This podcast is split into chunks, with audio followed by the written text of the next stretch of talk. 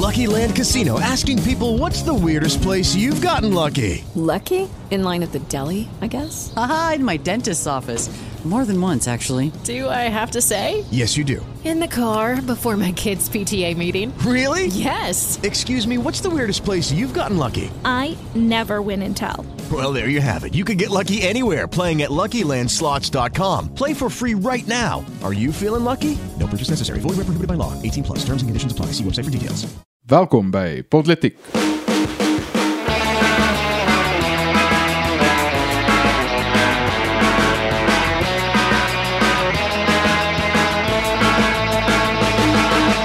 Nou, dames en here, ons weet dat vandag 'n baie vrolike dag is, 'n lekker dag. Jy saam met jou familie, julle braai dalk, julle het 'n vleisie op die kolle geskenkies is al oopgemaak of gaan nog oopgemaak word. Maar vandag gaan oor meer as net daardie bykomende dinge. Vandag, naamlik Kersfees soos ons dit noem, het 'n baie bepaalde agtergrond en dit kom vanuit 'n baie bepaalde wêreldbeskouing. En ons gaan vandag kyk na daardie wêreldbeskouing, die Christelik-Joodse wêreldbeskouing en wat die impak van die waardes van daardie wêreldbeskouing was op ons geskiedenis, ons reg en ons gemeenskap. Nou ja, julle kom ons begin sommer Paul, dankie vir die inleiding en met die eerste uh, onderwerp en dis my voorreg om met julle twee oor hierdie te gesels. Ek dink hierdie is 'n onderwerp wat na ons almal se harte lê. Ek dink dis 'n onderwerp wat ons almal baie oor te sê het. Nou, ehm um, Daniel, as ek sommer met jou kan afskop en as jy dalk net vir ons hierdie gesprek in inlei. Wat presies is Christelik Joodse waardes? Jy weet Daniel, dis 'n baie wye vraag. So ek gaan begin by soos die heel mees basiese ding en ek gaan dit sommer direk verbind aan van die vroegste geskiedenis van die mensdom. Die interessante ding van die Joods-Christelike waardesisteem is eintlik juist dat dit monoteïsties is. Daar is baie gelowe wat monoteïsties is, maar hierdie gelowe het iets in besonder in gemeen. Hulle is abnormaal die vroegste gelowe wat ons kan vind in die menslike geheugenis, soos in die tyd van die stadstaate van Ur, is wat ons noem sinkretiese gelowe. Wat gebeur is die volgende: mense van verskillende gemeenskappe kom bymekaar, of deur oorlog, mense wat slawe geneem word, of miskien net gemeenskappe wat saamsmelt. En wat dan gebeur is, hulle het elkeen hulle eie oorgelewerde geskiedenis en gode en tradisies en kulture. Hierdie sinkretiese gelowe en kulture is die samevloeisel van hierdie verskillende waardes en gode in een nuwe kultuur en geloof in. Daar is baie ruimte met ander woorde vir tot 'n gelykkom. Ehm um, jy is reg en ek is reg. Dis amper in 'n sekere sin 'n pre pre pre pre-moderne postmodernisme. Die wêreldbeskouing wat hierdie Christelike, die Joods-Christelike wêreldbeskouing ehm um, aangehang word is egter daar is een skepper een bepaler van wat reg is. Daar is een plek in die hoogste orde van die heelal. Met ander woorde, die werklike waarheid wat alles onderskraag, is afhanklik van een oordeel, een sentrale punt en basis. Nou, wat die impak van dit op 'n tradisionele of op 'n op 'n moderne samelewing is baie interessant en eintlik voor die hand liggend. Dit beteken daar is nie baie ruimte vir relativiteit nie. Dinge is of reg of verkeerd. Dis nie dat dit bepaal word deur mense nie. Nee, in steede daarvan en hierdie is die kern dink ek van wat 'n monoteïstiese geloof tot gevolg het. Aan die einde van die dag is daar is goed wat reg is en verkeerd is. En jy kan reg of verkeerd wees. En jou rol is nie om te probeer uitvind wat vir jou reg of verkeerd is nie, maar wat vir die ultimate werklikheid reg of So verkeerd. dit dis amper hoekom postmodernisme hierdie redelik aanval en en die sentrale punt wat dit aanval is hierdie wat jy praat van objektiewe waarheid en dis wat postmodernisme amper probeer aftakel. Wel, postmodernisme in 'n sekere sin takel dit intens af. Jy stuur dit nie af te takel nie. Hulle sê, weet jy wat, jy's 'n Christen en vir jou is dit 100%. Dis jou waarheid, dis jou werklikheid waarin jy leef en ons het begrip daarvoor. Maar dis juis wat die postmodernisme daar doen, is is hierdie kernbeginsel, hierdie kernidee van die monoteïsme wat dit aantas en wat dit direk aanvat. Daniel, as ek dit dan so bietjie kan verpraktiseer en ek dink eh, ons het nou baie mooi onderbou gekry van hoe hierdie gelowe verskil, maar prakties beteken dit dat die die volk Israel toe hulle uit Egipte uitgetrek het, het hulle 10 baie spesifieke ondubbelsinnige gebooie gekry waarby hulle hulle moes hou. En toe is daar in die jare na dit baie bepalinge deur die priesters daar gestel en dit sien ons vandag in die boeke van Levite, uh die boek uh ja, en en verskeie ander Ou Testamentiese geskrifte baie spesifieke reëls wat gevolg moes word. Hoekom ons nie net sê Joodse waardes nie is want die Christelike Joodse wêreldbeskouing is dan nou ook bepalend van dit wat Christene ken as die Nuwe Testament. Um die Nuwe Testament is die koms van Christus en hier word baie van hierdie reëls aangetoon as reëls wat in die tyd voor Christus gegeld het, maar met sy koms en sy kruisiging nie meer geld nie. So wat prakties sou beteken is dat die die offer vir die mensdom se sondes is betaal en aanvaar en die voorhangsel in die tempel het geskeur, wat beteken dat die mens nou met God kan praat en dat daar nie meer offerandes gegee word en so aan nie en dat van die bepalinge word baie meer spesifiek gestel waar daar klomp reëls baie tegnies is. Um kom Jesus en gee baie spesifieke, ek wil amper sê, um eenvoudige bepalinge wat 'n mens eenvoudig net kan volg. Op grond hiervan is daar dan 'n stel waardes bepaal en natuurlik oor jare het verskeie dinge gebeur. Um is vernaamlik wat ons vandag oor kan praat is dalk die reformatie waar Martin Luther 'n klomp tegniese praktiese maniere hoe mense hierdie waardes kan uitleef dan ook deel van die samelewing gemaak het. Net net voordat ons by die reformatie kom en ek dink dis 'n belangrike punt wat ons vandag gaan bespreek, maar net voordat ons by dit kom.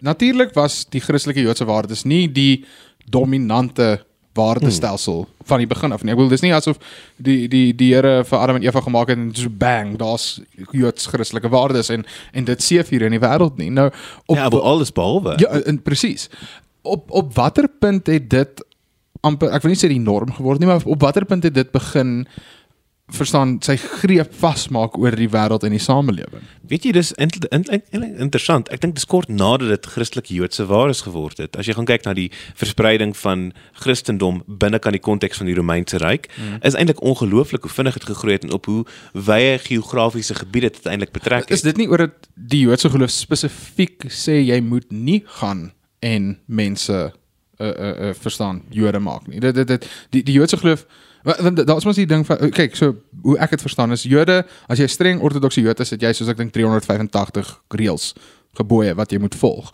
Ehm um, maar hulle glo dat mense wat nie Joods is nie nog steeds die die lewe na dood kan bereik al is hulle nie Jood nie deur ek dink dit is 'n stel van sewe reëls te volg. Hulle hoef net hierdie spesifieke sewe reëls te volg en dan sal hulle want hulle nie Jode is nie nog steeds die die die lewe na die die, die lewe na die lewe bereik. Uh, so my vraag is is dit hoekom dit nie so versprei het nie? Is dit oor die Jode nie gesê is om uit te gaan en nog mense Jode te maak nie? Jong, ek gaan hier myself oorlaat met Paul. Ek dink hy's bietjie meer beter in ons kraag daan as ek, maar ek dink dit is belangrik om te let op die feit dat die Jode van vandag is nie die Jode van 2000 jaar terug nie. Daar is aansienlike innovasie en verandering wat in die Jodendom gekom het, um, na gelang van die ontwikkeling byvoorbeeld deur die priesters en die rabbi, uh, rabbies oor die jare. Wil dis 2000 jaar later. Ehm um, so ek dink die die die ek dink tot 'n groot mate en soos hierdie is nou uit 'n geloofsperspektief feit. Ek dink dis 'n geval van waar dinge en ek gaan nou sê in aanhalingstekens toevallig mense op die regte plek op die regte tyd was. Maar uiteindelik natuurlik die Christelike beskrywing nie toevallig nie. Die Romeinse ryk was 'n 'n wonderlike manier om baie vinnig daai boodskap te laat versprei reg oor die bekende wêreld daai stadium. So dis dis van my kant af wat ek Ja, so in, in prakties om die vraag te antwoord hoe het dit versprei? Ek dink nie jy weet ons moet kyk na enige mense spesifieke werk nie. Ek glo werklik dat dit is die werk van die Here deur die Gees en dis hoe dit bepaal is om te wees. Op 'n praktiese vlak kan ek wel sê wat die Christendom reg gedoen het is die vermoë om vrae te kan beantwoord. Um, in Athene byvoorbeeld was daar baie waarde gevoeg aan die vermoë om vrae te kan beantwoord. En Paulus gaan staan in Athene en hulle bied aan hom vra en hy kan hulle binne in hulle eie woordestelsel kan hy hulle antwoorde gee. Um vir die Romeine was daar baie waarde geheg aan die vermoë om te kan swaar kry en deur te kan druk en hierdie Christene is gemartel en doodgemaak en tog het hulle vasgebyt in dit wat hulle glo.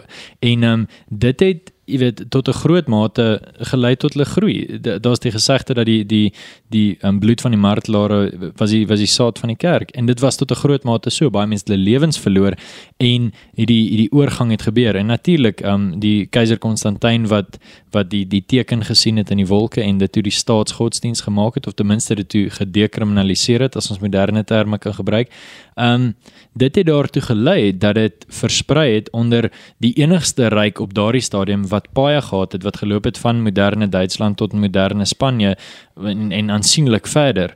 Um en en hierdie ryk het die het ewe skielik geglo hierin en hulle het as 'n nasie tot bekering gekom en dit het daartoe gelei dat dit tot 'n groot mate versprei het. Ons voorouers, as ons erken dat ons voorouers uit Europa uitkom, is op hierdie manier heel moontlik tot bekering gebring. Sien ek dink dis ook belangrik om te let. So ek dink die fokus van hierdie episode is ook baie spesifiek nie noodwendig op die op die geloofsinhoud noodwendig van die Christelike waardes en so nie, maar op die effek wat dit gehad het in die samelewing ensovoorts. En die interessante ding is ongeag of jy nou saamstem met Christendom of nie, of jy nou hou daarvan of nie, jy moet erken hierdie is uit viral gegaan. Um reg oor die wêreld is Christelike waardes tot 'n groot mate die primêre manier, selfs in lande wat niks met die Christendom ooit te doen gehad het nie. Uh, in terme van hoe dit geïnkorporeer is in die staat en die regering, is dit die primêre manier van ons kyk na die wêreld. So my vraag is die volgende, nê? Nee? Wat is daai spesifieke aspek van Christendom wat hom so viral laat gaan het, wat hom wat mense so geprikkel het? En ek dink tot 'n groot mate kan ons die antwoord in iets soos byvoorbeeld die Amerikaanse ervaring in die in die 1960s en so met Martin Luther King tipe era miskien waar Martin Luther King homself gewend het tot mense wat Christene was hmm. en nie gegaan het gesê julle waardes is verkeerd nie. Julle julle volg die verkeerde beginsels nie. Hy het juist gegaan en gesê verdiep jouself in julle waardes en dit het daai digotomie wat hulle ervaar het verbreek. En dieselfde met die Romeine, die Romeinse stoïsyne, ehm um, die logos wat hulle nagestreef het in Griekeland, hmm. al daardie paradigmas. Die Christendom het hierdie besondere manier om paradigmas te deurbreek hmm. op nuwe en innoverende maniere. Hmm. Ek ek dink dit sluit so mooi aan by wat Paul gesê het, is dit het antwoorde gegee vir vrae wat wat nie geantwoord was op daai punt nie. Presies, en nuwe antwoorde. Ja. En verder as dit, ehm um, net prakties iets waarin ek in in my hart baie rustigheid gehad het. En as ons kyk spesifiek na na hoekom hierdie waardestel oorleef het as soveel ander nie het nie. Kyk die ryk waarvan ons weet wat die langste oorleef het was miskien 1000 jaar. En hierdie waardestel hou nou al vir meer as 2000 um inteendeel as mense dit van die van die Joodse wortels aftrek hou dit al 3000 so iets aan dit moet dit laat laat hou. En spesifiek die Christelike waardestel as mens nie net kyk na die inhoud nie maar kyk na die aard daarvan Dit is die enigste geloof, ten minste in die protestante beskouing daarvan wat nie van jou verwag om 'n klomp dinge te gaan doen nie. Dit is gebaseer suiwer en uit en uit op genade. En dis iets wat uniek is. Dis iets wat jy nie gaan vind in wel in sover ek kon vind in enige ander geloof nie. Maar dis interessant dat jy dit sê Paul want dis nie die Joodse beskouing nie. Die Joodse beskouing is baie daad gebaseer. Dis die die die, die Christen beskouing is maar die genade beskouing. Ja, jy moet jy met reëls volgens aan waar waar die Christene sê dis verdienste. Um hmm. vir al die protestante wat sê jy weet gebaseer op op Romeine 1 vers 17 spesifiek um gebaseer op genade en nie verdienste nie. As ek dit kan bring by die impak wat dit het, het op die wêreld. Ek dink wat wat die Christendom inbring wanneer iemand tot bekering kom is regtig daardie bevryding en daardie bevryding is 'n waarde wat wat eh, jy weet dit vir mense makliker maak. Um jy jy sien in in Amerika waar slawe massiewe gelowiges was want in hierdie waardestel kon hulle al was dit dieselfde waardes as hulle slawe eienaars. Hulle kon nog steeds hierin hulle antwoorde vind, hulle rus vind en besef daar is genade selfs vir um my as slaaf, selfs vir hom as slaaf-eienaar. Um, en dis iets wat regtig uniek is. Nou julle die hierdie Christelik Joodse waardestelsel, so wat ons nou sê en ek dink jy's heeltemal reg daarin. Ek dink dit het so wat jy sê viral gegaan, vlam gevat. Toe dit nie net Joods waardestelsel was, 'n Joodse waardestelsel was, maar toe die Christelik Joodse waardestelsel geword het. En ek dink 'n uh, nog amper 'n verdere 'n uh, uh, nie vet by die vier nie, maar die die verdere boom amper wat hierdie waardestelsel laat versprei was die reformatie geweest. En ek dink dit het 'n groot invloed gehad op op hoe dit versprei het en ook amper hoe dit die vertroue van die mense gekry het. Want ek dink mense was moeg vir die Katolieke Kerk in daai tyd en dit het nie die antwoorde gegee wat hulle wou gehad het nie. Ehm um, hoe baie kan ons die die verspreiding en die sukses van Joods-Christelik of Christelik-Joodse waardes sal toeskryf aan die reformatie. Jy weet, ek dink dit verbind weer aan die heel eerste ding wat ons hier gesê het om mee te begin en dit is die Christelike Joods-Christelike wêreldbeskouing stel absolutes daarso, absolute waarhede. En dan in die reformatie sien ons die herontdekking van die feit dat daardie absolute waarhede uiteindelik aan baie aangename absolutes is. Net uit die blote feit van jou bestaan in 'n sekere sin, ontvang jy sekere goederes uit vrylik gegeewe genade uit. Daar kry ons 'n nuwe beskouing van die mensdom. Ons kry mense wat gemaak is in God se beeld. Ons kry mense wat dis in 'n sekere sin geregtig is in sekere interpretasies van hierdie beginsel op sekere algemene regte. En ek dink dis die die interessante ding, die interessante innovasie wat ons later sien in die Christendom is, ons begin met absolute waarhede. En uit daai absolute waarhede uit uit vloei daar iets regtig besonders. En dit is dat daar 'n sosiale pligte is 'n bepaalde stel van sosiale norme en waardes wat gevorm word en uiteindelik wat die basis word van die moderne Europese staat en ook die reg. En ietsie interessant byvoorbeeld ek ek glo dit was Nietzsche ek is nie 100% seker maar ek glo Nietzsche het gesê hierdie is 'n geloof van van swakkelinge en van van sukkelaars. Maar essensieel dink ek wat Nietzsche vergeet het is dat almal op aarde is onderwerp aan die omstandighede en almal is swakkelinge. En ek dink daarom vind ons in in moslimlande elke dag 'n groot hoeveelheid mense wat hulle bekeer na die Christendom toe vir die vryheid en die wete dat jy kan nooit um verdien om gered en verlos te word nie, maar jy kan maar hierdie genade stel jou in staat om nog steeds daardie ewige lewe te hê en soos wat as ek net vir een oomblik mag preek want ek mag nooit op politiek doen nie net soos wat uh, 1 Petrus 1 sê om deelagtig te wees aan die genade wat sal kom. Nou julle kyk Jood Christelik Joodse waardes het ook nogals dink ek meer 'n 'n 'n gonswoord ook geword in die afgelope ek moet sê 100 jaar dink ek het dit ook meer prominent geword veral in staatsregtelike terme oor hoe ons ons samelewings ehm um, by mekaar sit hoe ons ons politiek laat funksioneer hoe ons ons regstelsel laat funksioneer en ek dink dis ook deel van die belangrikheid van hierdie Christelike Joodse waardes.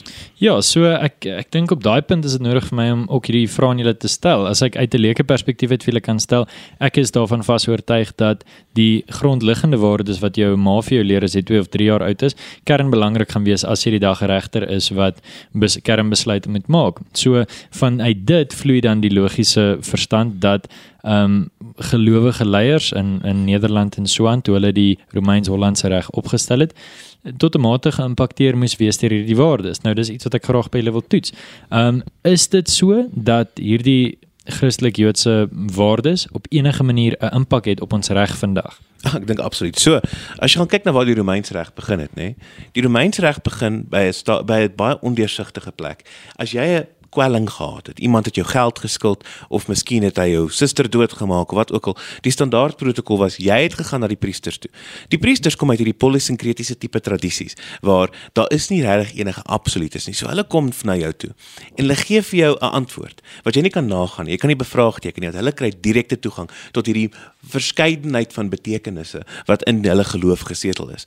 Nou, die Romeine gaan toe van daar af en hulle maak toe streng gekodifiseerde stel reëls. En die Christendom het baie by hierdie nuwe benadering tot die reg aangepas. So ons sien by iemand soos Justinianus. So die Romeine het verskriklik Christelik geraak. Soveel so dat Justinianus toe hy sy Codex Juris Civilis geskryf het. En dis die basis van die Romeins-Hollandse reg tot vandag toe nog. Het hy homself beroep op God. Hy het gesê hierdie boek wat ek nou produseer is van gelyke status as die Christelike Bybel. Dit is die letterlike woord van God wat deur my, die heerser kom. Hierdie is die reg wat ons gaan moet volg. Bietjie lasterlik dink jy nie eerlikwaar as uh, ons het 'n probleem daarmee gehad dat die paus kom en sê hierdie wat ek sê is gelyk staan aan die Bybel. Hoekom is dit vir ons aanvaarbaar as Justinianus te doen. Juist omdat ons in 'n soortgelyke katolieke tradisie op daai stadium is. Dis presies daaruit ook wat goeder soos die divine right to rule vandaan kom, waar ek is die autoriteit. Ek is die tussenganger tussen jou en God. So wat ons het hierso is ons het die absolute waardes, die absolute karakter van die Christendom, maar ons het nog nie die demokratisering van almal het 'n persoonlike verhouding met God en jy is geregtig of jy of jy is geregtig nie, ontvang jou verlossing op suiwere persoonlik gegeewe genade. En dis in die reformatie dan waar ons sien waar hierdie beginsels van die Romeinse reg en die Christendom in mekaar kom. Die konsep van menseregte, glo ek, sou nie kon tot stand kom as dit nie was vir hierdie twee aspekte nie. Die feit dat daar genade is en dat wel eintlik hierdie drie aspekte, algemeen geldende genade, die beeld van God in elke mens en die feit dat daar absoluut is reg en verkeerd is. Dis daaruit wat mense soos Hugo de Groot byvoorbeeld sy inspirasie geput het vir die grondleggende werke vir goeie soos menseregte in latere bestelling. Hmm. En Daniel, jy het net gesê dit is die die woord van God wat daar was 'n interessante konsep wat hulle in daai tyd gesê het dat ehm um, daar was 'n onderskeid getref tussen reëls en die reg en die reg het letterlik verwys na dit is wat reg is volgens God en volgens God se woord. Dis is Psalm Psalm 19 vers 7 wat sê ehm um, die die reg word perfek gemaak deur die Here wat die reg spreek. En ehm um, wat vir my so interessant is daarvan is eh, daar was van die begin af hierdie idee dat die reg word gegee van die Here af en mense moet volgens daai reg lewe want dit is letterlik wat vir mense voorspoedig gaan maak. Dis wat jou die beste en die mees voorspoedige samelewing, gesin, samelewing en en naderhand land gaan gaan gee.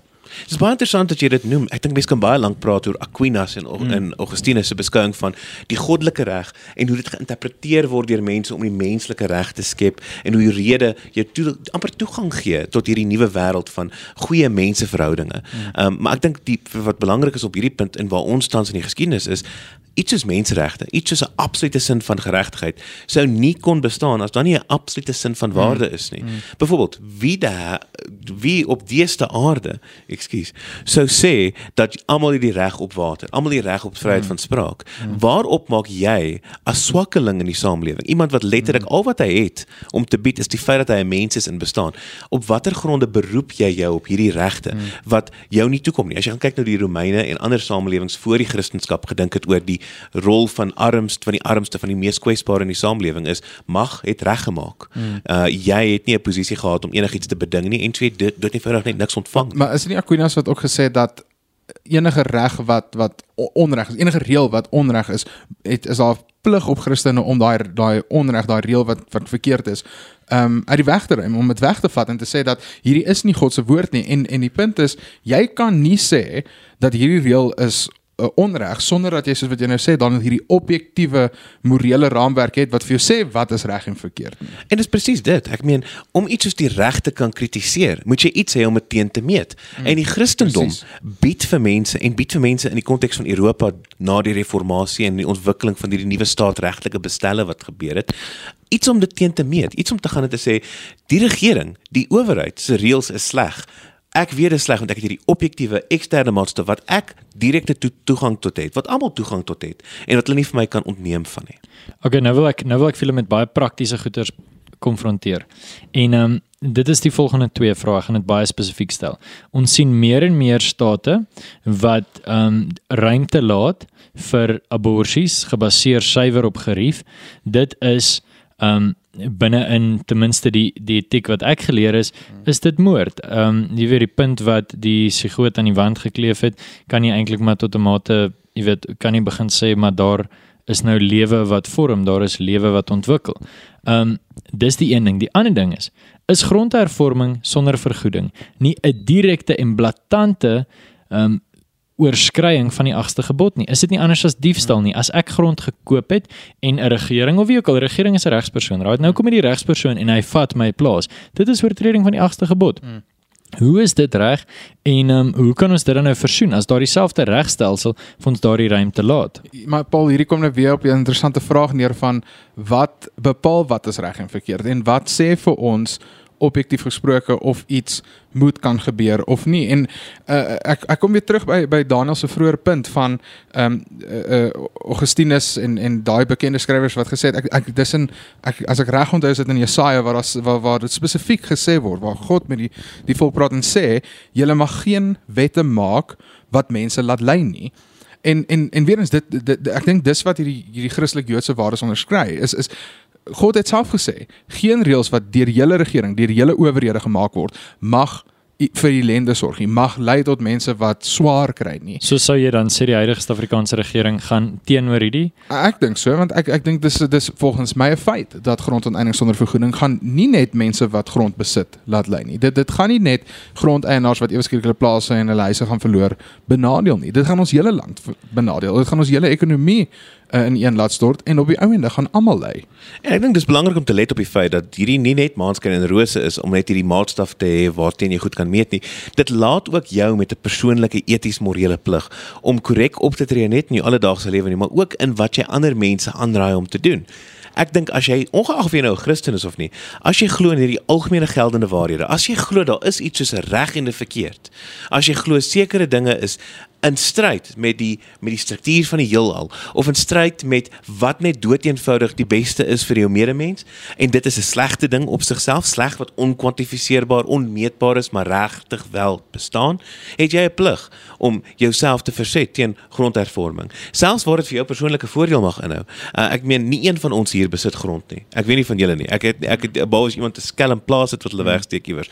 Maar die punt is is dat dit affekteer ons nie net omdat dit sleg gaan wees vir die ekonomie en dis vir ons nie, maar ook net doeteenvoudig omdat dit moreel verkeerd is en ons kan dit sê en ons moet dit sê. Nou, nou wil ek by 'n interessante punt kom oor hoekom Christelik Joodse waardes spesifiek. Hoekom wat het dit so spesiaal gemaak? En en ek dis nou ek vra die oop vraag maar ek het my eie opinie oor en daar daar's 'n boek deur deel Neil Ferguson, uh, 'n bekende ehm uh, geskiedkundige en hy skryf gereeld baie wonderlike boeke. Ek sal enige van julle luisteraars aanraai om dit te luister, ag te lees en te luister as jy die audioboek het.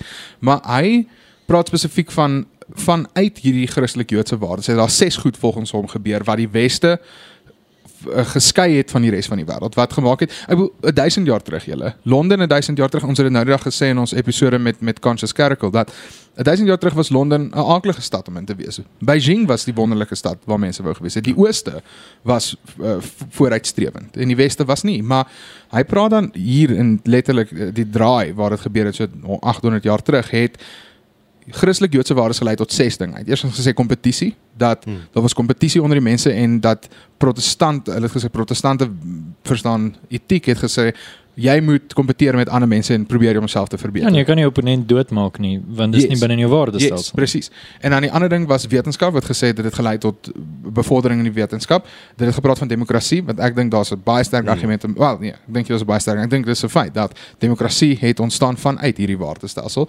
Ehm um, dan praat hulle verder van medisyne en ek dink van uh, gebruikers wees dat mense goed wil koop en so, maar dit kom maar uit uit verstaan die vrye mark en dan praat dit spesifiek van privaat eiendomsreg. Wat kom uit hierdie Christelik Joodse waardestelsel. Ek dink ek stem 100% met al daai saam, maar daar's een punt ek dalk wil byvoeg of miskien selfs net herbeklemtoon. Ek dink dis deel van die demokrasiepunt. En dit is wat die Christelike wêreldbeskouing vir jou bied, is vaste vaste plek waar jy kan kritiek lewer teen jou owerheid. Waar mag, net omdat ek sterker as jy is, beteken nie ek maak reg deur te doen wat ek wil nie. En dis um, dis nie kultureel gebonde nie. Dis nie aanvaarbaar omdat dit deel is van ons samelewing nie. Daar is sekere goeder wat reg is en sekere goed wat verkeerd is. Selfs as dit algemeen aanvaar, selfs al is dit absoluut die norm in die samelewing, kan ons nog steeds gaan en onsself versê daarteenoor. En dis waarom die eerste samelewing in die geskiedenis van die mensdom wat slawerny suksesvol beëindig het, was die Weste. Was die Weste. Ja. En ek wil die Weste kry baie kritiek uh vir sy gebruik van slawerny. Maar dit is nog steeds weer eens in terme van daai Christelike waardes wat ook die basis was van die westerse verwerp van slawerny. Die, die, die punt is is in geen ander samelewing of kultuur afgeskaf nie. Dis nie in die ooste afgeskaf, dis nie in die Midde-Ooste afgeskaf, dis nie in Suid-Amerika afgeskaf nie. Dis net in die weste. Waar dit sê word afgeskaf is af in hierdie kultuur is omdat die weste letterlik ingegryp het en ja. uh, en da, hulle hulle daar's nog steeds slawerny in party oosterse lande, Midde-Oosterse lande. Met William Wilberforce as as as ons kan sê hy is die persoon wat die wat die wetgewing gedryf het was dit en hy sal dit self ook sê direk vanuit sy gelowige beskouing. So daar sien 'n mens 'n baie praktiese en tasbare voorbeeld van waar waardes hierdie spesifieke waardes waarvan ons praat en ook die waardes wat ons vandag vier. Want vandag gaan nie oor kersies en en braaivleis nie. Vandag is jy weet is is is 'n herinnering aan aan die geboorte van Christus. En op so 'n dag onthou mense hierdie waardes wat ons gee en dit wat slawerny direk beëindig het. En weet jy wat die interessante ding hierso vir my is dat ons het nou beweeg van die die rol waar ons gepraat het oor die Christendom en die geskiedenis en wat die impak op die reg was. Maar uiteindelik dis nie waar dit stop nie. Om waar te sê dis nie eers waar dit begin het nie. Die Christelike waardes het nog altyd 'n impak gehad op die gemeenskap en hoe mense met mekaar in interaksie is. Of dit nou is by byvoorbeeld die morele argumente teen slawerny of byvoorbeeld die instelling van die eerste skole in baie westerse lande wat uit 'n Christelike wêreldbeskouing gevloei het. Byvoorbeeld, ek weet nie of julle weet waar die konsep van Sondagskool vandaan kom nie. Sondagskool was skool was aanvanklik skool soos regte egte skool waar jy geleer lees en skryf het en dit was op Sondag gewees want kinders het die ander dae van die week gewerk en ons die kerke wat hierdie Sondagskool verskaf het. Nou dan dis dis eintlik interessant want nou dat jy sê ons gaan ons moet oor die gemeenskap praat en die invloed wat die Christelike Joodse waardes op die gemeenskap gehad het.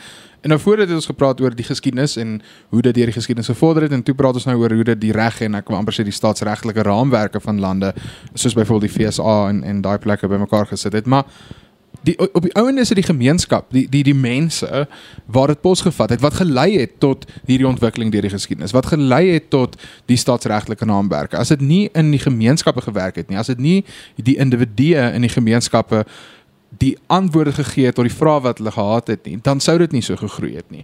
En ek dink dis weer eens soos wat jy sê Daniel, dit is my eintlik baie treffend geweest en jy begin gesê het van hoe viral dit gegaan het. En ek dink dit dit word beklemtoon daai feit dat dit so versprei het deur die feit dat dit dit het 'n tasbare verskil aan mense se lewens gemaak. Dit het regtig mense se dag tot dag lewe verander. Nou op daai onderwerp, kom ons beweeg aan na na daai vraag, na presies hoe dit mense se lewens op 'n dag tot dag basis aan uh, affekteer. En ek wil sommer begin deur vir julle te vra, wat sou julle sê is die die grondbasis, die basiese beginsel wat hierdie alles onderskraag in terme van en ook in terme in moderne terme. Hoe moet ons vandag daaraan dink en hoe moet ons vandag daarmee omgaan? Okay, so vir my is daar essensieel twee tipe maniere hoe die wêreld kan funksioneer. Kom ons kyk eers na die natuur. Wanneer die leeu honger is, gaan hy die die bok wreedagtig in mense terme afslag en hy gaan hom eet, hy gaan hom verorber. Hoekom want hy met aan homself en sy sy klein leeuetjies dink. Goed, so dit is die dis die een beskouing. En daar is baie mense wat daardie tipe beskouing het.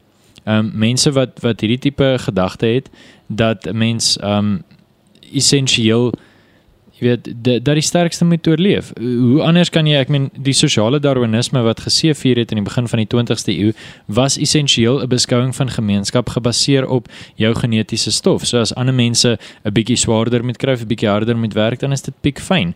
Dis aan die een kant. Aan die ander kant het 'n mens die Christelike Joodse waardestel wat letterlik sê Sorg vir die weduwees, sorg vir die weeskinders, sorg vir die kinders.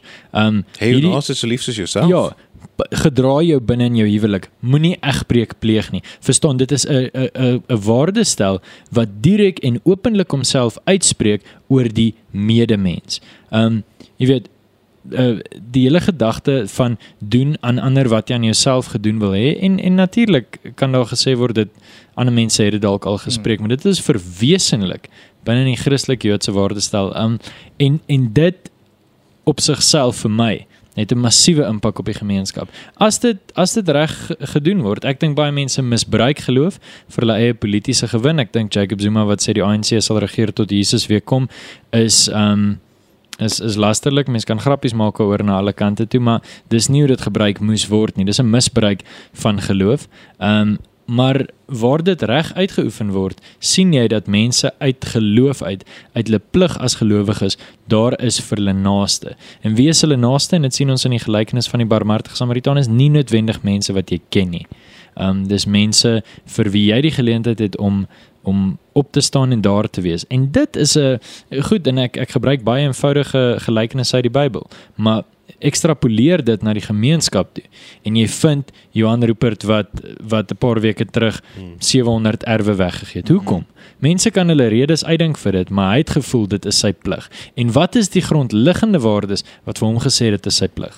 Daniel, jy het vroeër genoem dat ehm um, hierdie waardestelsel het vir mense die platform gegee in 'n demokrasie om die gesag aan te vat en die gesag te kritiseer. En ek dink dis ongelooflik belangrik en dat saam met dit moet mens net ook sê dat vanuit hierdie waardestelsel het ons vir die eerste keer in ons geskiedenis gesien die beklem of die klem wat geplaas word op nie net die en ek wil nie net sê die individu self nie want want verstaan natuurlik ons almal glo in die die hoe belangrik dit is om die individu self te beskerm maar natuurlik ook die individu binne sy gemeenskap. Maar vir die eerste keer het ons gesien dat 'n waardestelsel sê dit is daar's iets belangrik aan mens wees en jy wees en en 'n hmm. individu wees. En dit het gelei tot die staatsregtelike politieke samelewing wat ons het dit gelei tot die demokrasie wat ons vandag ken. Dit het gelei tot hoe ons samelewings georganiseer word vandag. En ek dink dit kan eintlik daar kan dit, ons kan nie genoeg beklemtoon hoe belangrik dit was vir die ontwikkeling vir die vrye wêreld wat ons vandag geniet nie. Ons wêreld te danke aan hierdie demokrasie te danke aan die vrye mark te danke aan eiendomsreg wat beskerm word was nog nooit so voorspoedig nie. Ons het nog nooit so baie mense gehad wat materieel letterlik net streng gesproke en dit klink klink nou verskriklik onchristelik om dit so te sê, maar die punt is ons die meerderheid mense in proporsioneel is die is meer mense vandag materieel beter af as wat hulle was voor dit. Kyk, ek dink dis onchristelik om te praat van die materiële nie. Ek dink die materiële daar's 'n baie sterk Christelike opdrag oor die materiële. Ehm um, ek weet nie of julle met my sou saamstem op daai punt nie, maar ek glo daar's 'n plig wat rus op Christen nie net om om te sien na mense se siele nie, maar ook om om te sien na hulle liggame, om jou goed te verkoop en uh, Jesus te volg uh, en die geld te gee vir die armes. Ja, maar ons moet ook die skatte op die aarde bymekaar maak nie. So Ja, maar dis juist dit. Is dat wat jy moet doen is, is jy moet mense help om hulself te verwesenlik. Uh, jy moet hulle help om 'n beter toekoms vir hulself te bou en dit vloei uit jou naaste so lief hê soos jouself. En dis dis die probleem dink ek wat 'n groot klomp van die wêreldbeskouings het wat ons vandag het. Is dit fokus of suiwer op die materiële, soos die quasi-marxistiese benadering van iets soos die EFF, of dit fokus glad nie daarop nie. Ek dink die Christen wetenskap weer eens deurbreek daai digotomie. Ek eh, ek weet nie of julle hoe julle oor daai stelling voel nie. Ehm um, ja, ek ek is geneig met jou saam te stem. Ek ek dink dit is dalk oor vereenvoudig om te sê dat daar in in in wese in vandag se terme net twee is, maar ek ek dink ons al drie het dit dit nou al reeds gedoen en die rede daarvoor is dat ek kan wesenlike grense trek tussen wanneer Ons weet dis dis wat Europeërs doen. As hulle kom en trek net klomp grense. Ek wil weer eens dat julle herinner, grense is lyne op padkaarte en breine. Ehm um, so die essensieel daarso daar is my wesenlike verskil tussen mense tussen 'n gemeenskap wat mekaar in in Christelike broeder en suster liefde nader en 'n gemeenskap wat homself dien en sy eie belange dien. Ehm um, dis nie 'n grens wat jy kan trek op grond van kleur of nasionaliteit of so nie, maar jy kry gemeenskappe waar jy regtig kan sien hoe die mense sorg vir mekaar, gee vir mekaar om. Dalk sit binne 'n familie en dan sal ehm um, ek ek het advies gekry een keer mens moenie jou jou vyand se saak verder voer nie, maar partykeer is dit goed om konteks te skep. Ou soos Dawkins sê nee, dis net die die selfsugtige geen. Jy sorg vir jou gemeenskap en dan gaan jy veiliger wees. Jy sorg vir jou familie en dan gaan jy veiliger wees. Ek glo dit werklik nie. Ek het al gesien hoe mense alles verkoop wat hulle het om mense te help net op grond van liefde. Hulle eie gene, as mens dit nou so wetenskaplik wil stel, sou glad nie daardeur bevoordeel gewees nie. En dit kom vanuit ehm um, wat wat Calvin se noem die semen religiones. Ek ek ek glo werklik dat daar ehm um, ja, en en dan ook die die leiding leiding deur die gees. Ek dink regtig mense wat wat verskriklik goeie goed doen. Ja, sondige aard, sondige natuur en 'n mens sondig baie, maar wat jy regtig omgee vir jou medemens omdat jy geleer is van kleins af dat dit is wat jy moet doen en hoekom is jy dit geleer? Hoekom was dit in jou onderwysstelsel? En dan vind jy weer eens keer op keer op keer die grondliggende waardes wat vir mense geleer is voordat hulle kon lees, voordat hulle kon skryf. Dis my interessant Paul dat jy is uh, die punt is dit is uniek en dis eie aan die weste en is eie aan hierdie waardestelsel en die voorspoed wat daarmee saamgaan is ook eie aan hierdie waardestelsel. En dit dis my interessant uh, die Amerikaanse uh, skrywer en spreker en hy het ook 'n podcast. Sam Harris sê altyd hy hy het, het verskriklik baie van hierdie oosterse gelowe gaan bestudeer en en hy het nou tot verskriklike insigte blykbaar gekom en hy was blykbaar die helfte van die tyd in elk geval hoog. Ek ek joke nie eers nie, dit hy's 'n groot aanhanger van duel gebruik om jou ek weet nie nader aan een van 'n magiese oulike plek te kry. Ehm um, maar hy het al in 'n debat wat ek gekyk het, het die een spreker vir hom gesê maar hoekom deel ek en jy so baie waardes? Hoekom dink ons dieselfde oor demokrasie, dink ons dieselfde oor vryheid van spraak, dink ons dieselfde oor eiendomsreg, dink ons dieselfde oor hoe mens met medemens moet werk? En hy het toe gesê nee, maar dis oor dat hy boeddhistiese geloof gebestudeer het en hy mediteer en alles. En toe sê die ou wat in hom praat maar ek het nie dit het niks met my te doen nie. Ek ek het nog nooit die boeddhistiese geloof bestudeer nie, maar tog deel ons hierdie waardes. En en en ek dink die punt wat hy wou gemaak het is dat hulle het in dieselfde land groot geword. Hulle het in dieselfde soort gemeenskap groot geword. Hulle het in dieselfde omgewing groot geword waar dieselfde goed belangrik geag is. Waar vryheid van spraak, waar om jou medemens goed te hanteer, waar om die siek en armes te help as belangrik geag word groot geword en dis hoekom hulle so baie waardes deel. Nie oor dat alle gelowe in die wêreld dieselfde is. Nie oor dat alle kulture in dieselfde in die wêreld uh, ewe goed of reg of belangrik is nie maar oor dat daar een is wat uitstaan en een is wat meer voor, vir meer voorspoed sorg as die ander. Nou ja, Karels, ons praat nou oor onder andere hoe jy jou medemens moet hanteer. Dit sou nie politiek wees as ons nie 'n bietjie moeilike vrae vir mekaar ook gevra het nie. So, uh, hier's 'n bietjie van 'n riller, maar ek wil dit baie prakties maak en ek wil dit baie van toepassing maak op waar ons is in ons lewens. Ek dink waar ons die meeste te doen het op 'n op 'n konfronterende manier met ons medemens is in die wêreld van opinies. Mense wat met ons verskil. Op Twitter, in persoon, by die parlement, waar ook al. In die hof in jou geval. My vraag is Hoe gaan ons om met daardie mense? Wat beteken die Joods-Christelike waardes vir ons omgaan met mense wat met ons verskil? Hierdie klink soos 'n vraag wat die die teoloog in ons geselskap eers moet beantwoord. Wel, ja, miskien, maar ek dink dis eintlik vir dit is eintlik soveel meer eenvoudig as dit. Daar behoort kernbeginsels te wees waaroor jy nie tree nie. Ek het ander dag um, op sosiale media het ek 'n joernalis aangespreek. Ek en hy was ons het saamgestem oor die feit dat Julius Malema die leier van die EFF nie geld behoort te steel nie, maar hy het 'n opmerking gemaak wat verwys het na Julius Malema se kind. Nou daai kind is 7 of 8 jaar oud. En toe het ek dadelik vir hom gesê, "Hierso het jy oor 'n lyn gegaan en ek kan my nie meer verder met jou vereensgewig nie. Hoekom nie?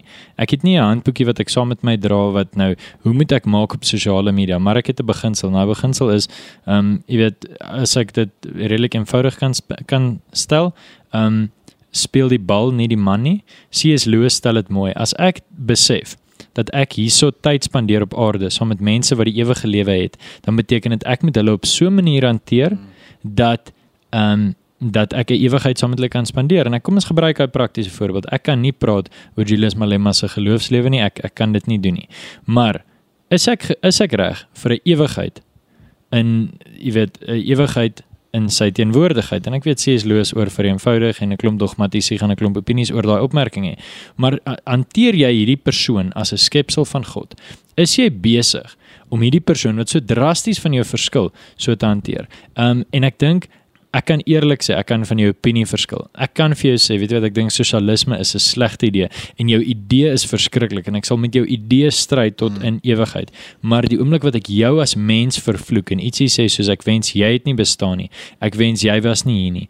Um ek ek wens jou geboortedag het nie aangebreek nie. Sulke tipe goeders. Dan is ek besig om nie die skepsel nie, maar die skepper um 'n belediging toe te snou wat nie my my plek is nie omdat ek self ook 'n skepsel is. En as mens 'n gemeenskap uit daardie tipe nederigheid beskou, daardie tipe nederigheid wat sê ek is hier omdat ek hier geplaas is. Um alles wat ek het, het ek omdat ek hier geplaas is. Ek is omring deur hierdie gemeenskap uit genade. Um dan kyk 'n mens baie anders daarna. Um en verder as dit, ek ek sê vir mense as hulle wonder oor etiek, eerlikwaar sou jy hierdie gedoen het vir jou ma. En in meeste gevalle kan mense sê nee, hy sou nie. Wel, ek dink dit is so belangrik wat jy sê en ek het ek het hierdie afgelope paar weke verskriklik daarmee gewroeg eintlik want ek sit baie keer en dink ek bedoel daar gebeur ontstellende goed in ons land en daar gebeur goed wat ons regtig ons Ja, bang, bang maak. Dit maak ons bang. En dit behoort jou bang te maak. Ja, met met goeie rede. En en ek sit altyd en dink byvoorbeeld, kom ons vat net 'n voorbeeld. Grondonteiening sonder vergoeding. Is dit iets wat is mense besig om opsetlik sleg te probeer? Is probeer hulle regtig om om vir son grondeienaars en men, ons almal die slegste moontlike omstandighede te, te gee. En en ek dink dit is nie. Ek ek, ek jammer om my nuus te breek, maar ek dink dat mense is besig om kwaadwillig op te tree. Hulle is nie besig om te gaan en te dink ons wil nou almal in die land arm maak nie. Ehm um, hulle tree teen teen op en wat hulle dink dalk die beste belang hulle is verkeerd dink ek en en ek dink hulle dit gaan rampspoedig wees wat uh, dat hulle nie behoorlik na feite en inligting kyk nie en en nie na die waarskuwingstekens kyk nie. Maar ek kan nie da- daar's natuurlik mense wat ek dink net straight up evil is. Daar is mense wat net so is en en en hulle dink ek moet mens dien ooreenkomstig so hanteer. Maar die die, die mens wat met jou verskil op sosiale media oor grondonteiening of vergoeding is nie net sleg nie. Hy's nie evil oor dat hy met jou verskil nie. En dit is presies wat jy gesê het. Dis speel eh, moenie die man speel nie. Praat oor die idee. Val die idee aan met logika, met met feite en ek dink die heel belangrikste met liefde om op die ou ende werklik daai mense te probeer oortuig van hulle standpunt. OK, nou die moeilike vraag stop natuurlik nie by daai een nie. So nou wil ek vir julle nog 'n riller vra. En my vraag is dit. Dis baie maklik vir ons by politiek om jy weet die regering te kritiseer. En miskien selfs die heersende Suid-Afrikaanse zeitgeist te kritiseer. My vraag is in ons eie kultuur, in ons eie agtergrond. Die Christelike waarheid het ons gesê bied vir ons 'n objektiewe perspektief om van buitekant af te kyk en te gaan en te sê hierdie is dinge wat krap. Hierdie is probleme. Wat tans wat ons doen, wat ons amper as 'n normale normale ding aanvaar, is dalk in terme van hierdie waardes nie oukei nie, nie aanvaarbaar nie.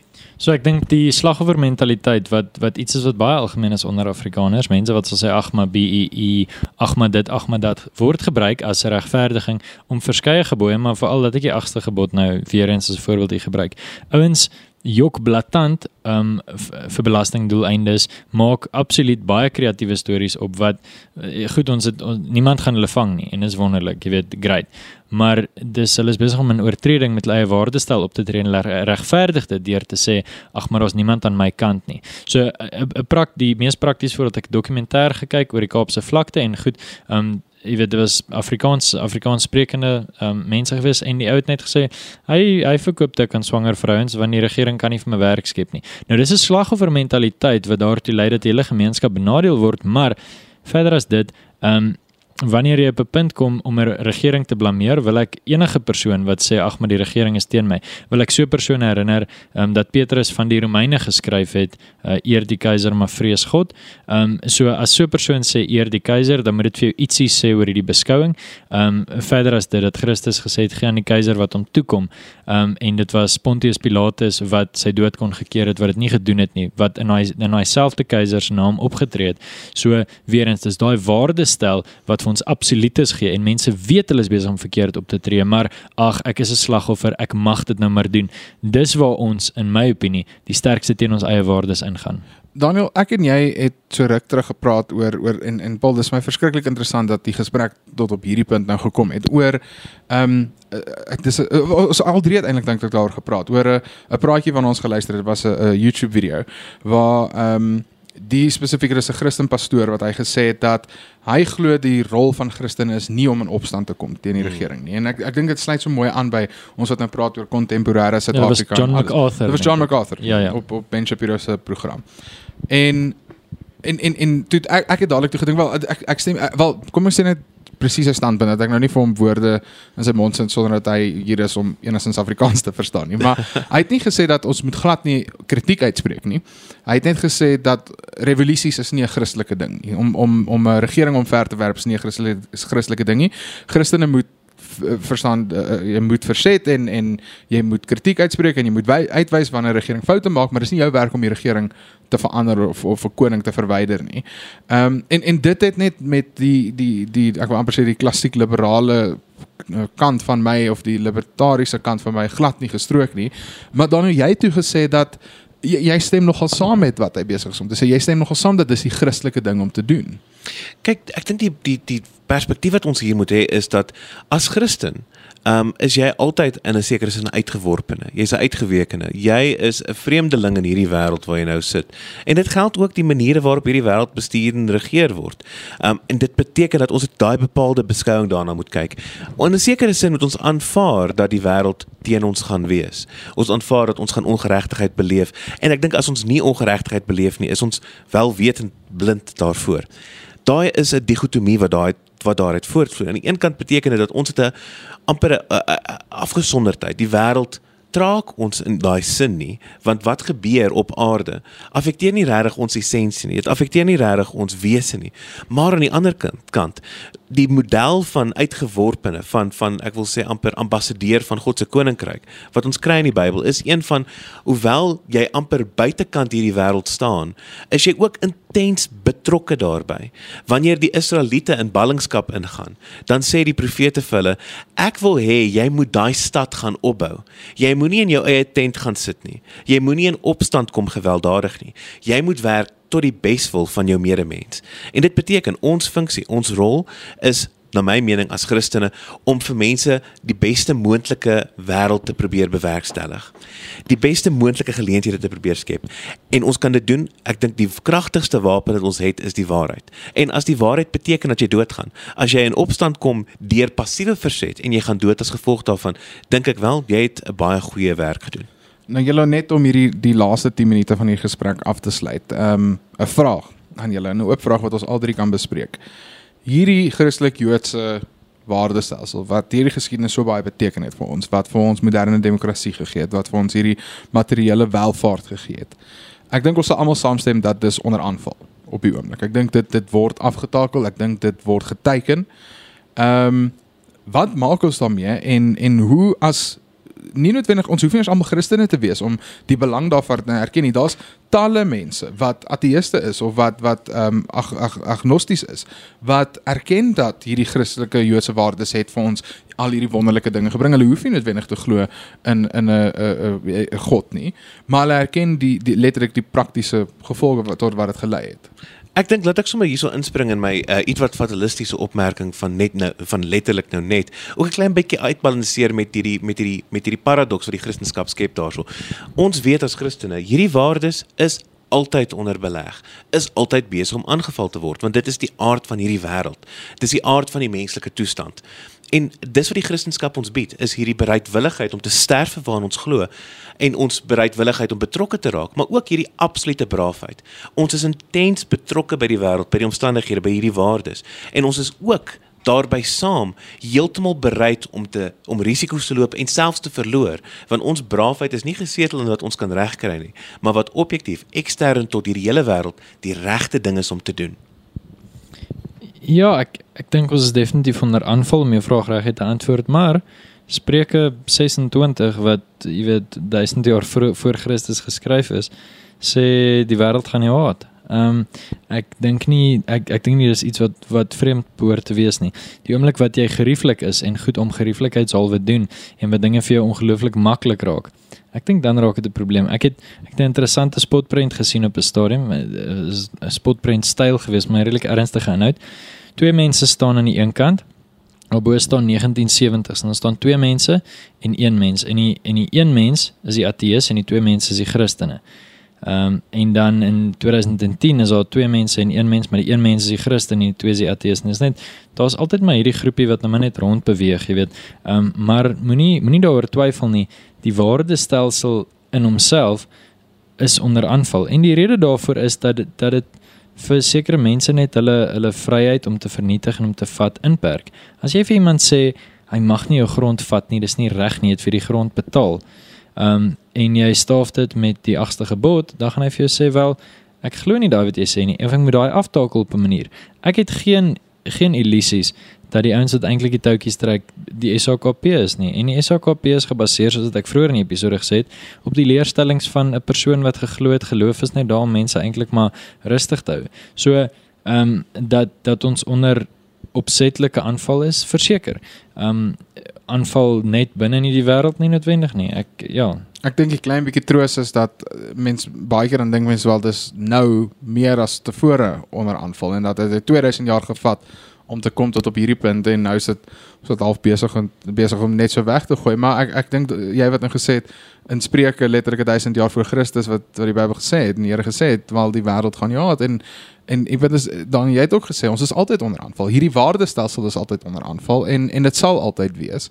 En ehm um, dat ja op die oomblik hier en nou lyk al hierdie goed vir ons verskriklik en dit maak ons bang en en ons is onseker. Maar dat uh, as mens lank in die toekoms kan gaan kyk en jy kan die breë prentjie sien is dit maar net nog van dieselfde dalk. Ek weet nie Jy weet die interessante ding van die Christendom is dit is die hele tyd onder aanval, maar terselfdertyd is daar weer eens hierdie paradoks dat hy reeds oorwin het. Die die die die die, die uiteindelike vorm van die geskiedenis in die Christelike wêreldbeskouing is een wat noodwendig uitloop na die na die oorwinning van die Christen wêreldbeskouing in Christus. En daardie oorwinning, die feit dat dit reeds plaasgevind het, ek dink dis dalk die bron van daai braafheid wat mense kan hê om te gaan en te sê daar is 'n regte kant aan die geskiedenis. En dis nie jy wat kies watter kant dit is nie. Want dis 'n dis 'n retoriese stelfiguur wat baie keer gebruik word. Jy wil nie die verkeerde kant van die geskiedenis ja, wees nie. Die demokrate in Amerika love om dit te sê. Maar ek sê ding, dis nie jy wat bepaal wat die kant van die geskiedenis is nie. Want ons weet in menslike terme die geskiedenis gaan links en regs en op en af, maar in goddelike terme, daar is 'n vorm aan die geskiedenis. En hy is so vas en seker daar is definitief 'n regte kant en die Christelike wêreldbeskouing is definitief aan daardie kant. As ek vir my kind of twee twee goed kan ingooi. Die eerste is my baie interessant eh, en weer eens ek is die laaste tyd baie besig met spesifiek 1 Petrus, maar Petrus skryf van die ouens daar en hy noem hulle, hulle is in hulle tuisdorp, hy noem hulle vreemdelinge in die wêreld. Baie belangrik. Ons moenie verstaan en dis daai ding wat jy sê, mense wat wat nie net die waardes vashou nie, maar die geloof vashou, kan na die wêreld kyk en sê ek is hier geplaas vir 'n doel, ek het 'n roeping, maar hierdie is nie my eindbestemming nie en ek dink dit gee vir mense braafheid want dit lei tot Filippense 1:21 wat sê die lewe is vir my Christus, maar die dood is vir my 'n wins. En dis op so 'n punt wat wat iemand soos die martelaar Stefanus net kon gesê het terwyl hy besig was om dood gegooi te word met klippe, vergewe hulle want hulle weet nie wat hulle doen nie. Jy weet en en as 'n mens ek sê nie mens moet fatalisties wees en net nie omgee nie. Jy is hier vir 'n rede en jy het 'n werk om hier te doen. Maar vir Christene het ons hierdie wonderlike hoop om aan vas te hou dat by die wederkoms daar vir ons genade sal wees. En dit is nie genade wat onteien kan word sonder vergoeding nie. Wel Paul, ek bevrees alle aardse dinge kom wel tot 'n einde. En daarom Liewe luisteraar, wil ons jou van Politiek se kant af 'n baie aangename feesgety aan jou en jou familie toewens. Neem tog wel 'n oomblik nadat jy klaar hierdie geluister het en dis net nog 'n paar oomblikke om te dink oor die Christelike wêreldbeskouing. En as jy dit aanhang, vra vir jouself af, as jy werklik die volle implikasies daarvan vandag gaan implementeer in jou lewe, hoe sal vandag lyk? Hoe sal môre lyk? En hoe gaan jy in volgende jaar en die res van jou lewe optree?